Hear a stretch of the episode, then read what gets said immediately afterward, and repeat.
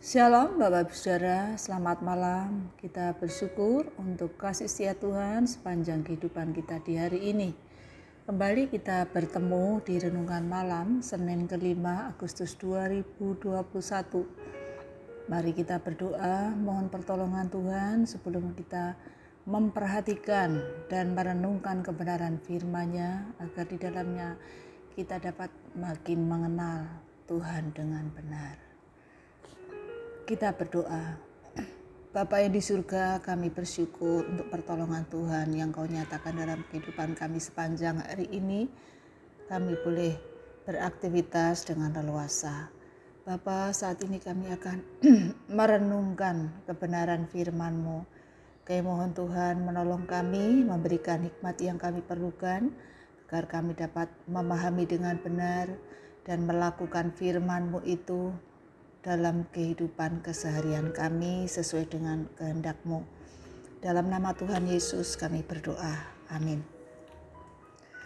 Mari kita bersama-sama memperhatikan Injil Markus pasal 6 ayat 45 hingga 52. Demikian bunyi firman Tuhan. Yesus berjalan di atas air. Sesudah itu Yesus segera memerintahkan murid-muridnya naik ke perahu dan berangkat lebih dulu ke seberang ke Bethsaida.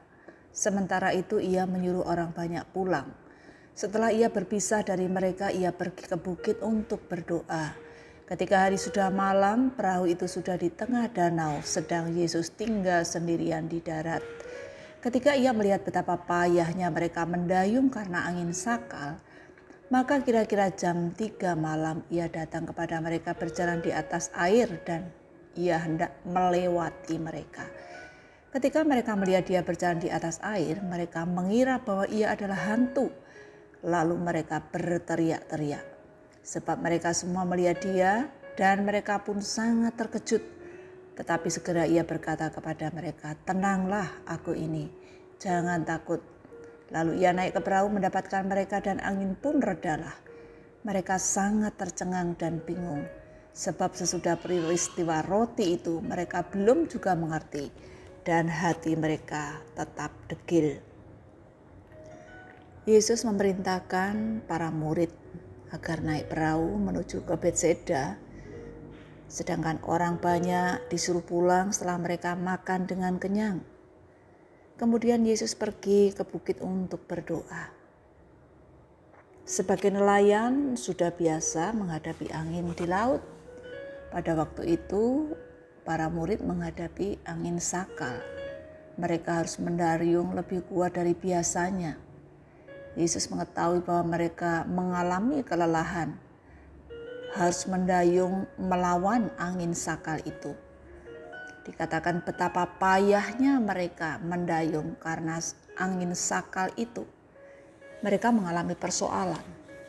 Mereka berusaha mengatasi situasi yang sedang dihadapi pada waktu itu.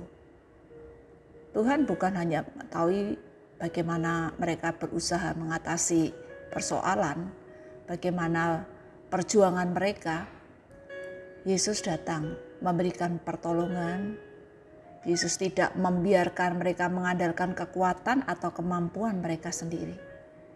Ketika para murid melihat Yesus berjalan di atas air, mereka mengira bahwa Yesus adalah hantu sehingga mereka berteriak-teriak. Yesus mengatakan, "Tenanglah, aku ini, jangan takut." Seketika itu juga angin pun menjadi reda. Mereka sangat tercengang dan bingung, kagum, takjub melihat bagaimana Yesus menyatakan kuasa untuk menolong mereka. Dengan bermacam-macam cara Yesus menyatakan mujizatnya, kuasanya untuk menyatakan bahwa ia adalah Tuhan. Untuk menyatakan supaya para murid mengetahui bahwa Yesus adalah Tuhan. Namun mereka belum mengerti juga. Hatinya tetap degil karena tidak dapat memahami keilahian Yesus yang terus-menerus ditunjukkan melalui berbagai hal.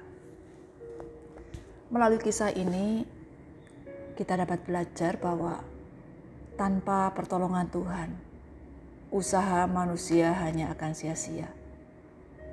usaha manusia tidak akan membuahkan hasil. Tuhan mengizinkan persoalan dalam hidup kita. Tuhan juga yang memberikan pertolongan dalam menghadapi persoalan itu. Melalui persoalan itu justru membuat kita makin mengenal Tuhan. Para murid makin mengetahui siapa Tuhan itu. Melalui persoalan membuat kita makin mengasihi dan setia kepada Tuhan. Oleh karena itu, jangan biarkan persoalan apa pun yang kita alami itu menyebabkan kita meragukan kuasanya, kasihnya, pertolongannya, dan sebagainya. Jangan biarkan realita hidup yang sedang kita alami mempengaruhi iman percaya kita kepada Tuhan. Tetapi percayalah bahwa Allah mengizinkan semua peristiwa dalam hidup ini. Allah pula yang berkuasa menyatakan kuasanya dengan caranya yang ajaib. Mari kita berdoa. Bapa yang di surga, yang kami kenal di dalam nama Tuhan Yesus. Mampukanlah kami percaya bahwa kuasa Tuhan nyata dalam hidup kami. Ajarkanlah kami dapat memahami dengan benar bahwa melalui berbagai macam cara Tuhan menolong kami. Memampukan kami untuk percaya dengan sepenuh hati kami. Saat ini kami berdoa mengingat sesama kami yang sakit baik mereka yang sedang dirawat di rumah sakit maupun yang di rumah. Kami mohon belas kasihan-Mu ya Tuhan. Kiranya mereka tetap berpengharapan hanya kepada Tuhan yang memiliki hidup mereka. Sesama kami yang mengalami persoalan pekerjaan, keluarga, hubungan dengan sesama, bahkan hubungan mereka dengan Tuhan, kerohanian mereka kami mohon pertolongan-Mu ya Tuhan dan kami percaya Tuhan memberikan pertolongan yang tepat pada waktunya. Ingatkan kami ya Tuhan agar kami senantiasa mengandalkan Tuhan dalam mengatasi setiap persoalan dalam hidup kami. Bapa, tiba waktunya Engkau memberikan kami kesempatan untuk istirahat. Kami percaya Engkau memelihara, melindungi kami, dan esok hari Kiranya Bapa berkenan memberikan kekuatan dalam menjalani hidup sesuai dengan kehendak Tuhan untuk memuliakan nama Tuhan. Terpujilah namamu ya Tuhan. Dalam nama Tuhan Yesus, Allah yang berkuasa atas hidup kami. Kami berdoa dan bersyukur. Amin. Bapak Ibu sekalian, selamat malam, selamat beristirahat. Tuhan Yesus memberkati kita semuanya. Amin.